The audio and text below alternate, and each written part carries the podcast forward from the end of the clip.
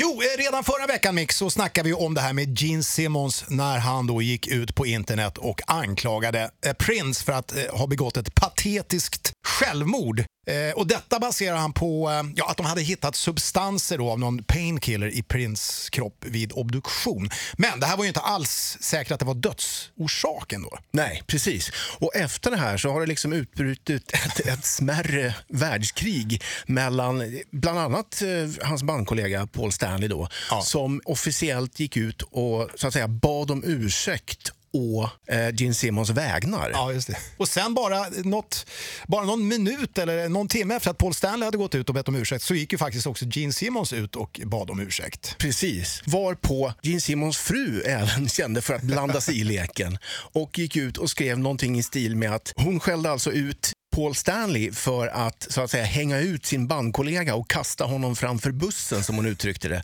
Varpå Paul Stanley svarar Gene Simmons fru med att säga att ja, jag vet inte, jag har nog inte kastat någon framför bussen eh, utan Gene har nog gått och ställt sig framför bussen själv.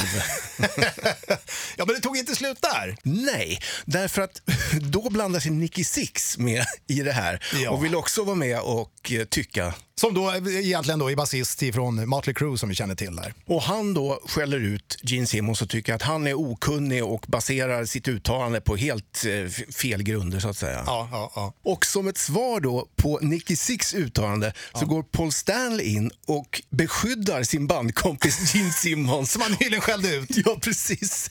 Och tycker att Nicky Six är dum i huvudet. så, och han ska inte lägga sig i Kiss affärer. Alltså vilken jävla soppa. Och det som jag tycker är mest fan, fantastiskt av allt är att alltså, det känns som att man har glömt bort att det var faktiskt eh, stackars Prince och hans bortfälle som låg till grund för hela den här soppan. Precis. Och de har lyckats köpa sig promotion på något vis utan att egentligen ha gjort någonting. Ja, de är mästare på att skapa headlines, den saken är säker. Ja, sälja in sig i media. Det kan ja, de. Absolut. Tidernas bästa rock. Poddtips från Podplay. I podden Något Kaiko garanterar östgötarna Brutti och jag, Davva, dig en stor dos skratt.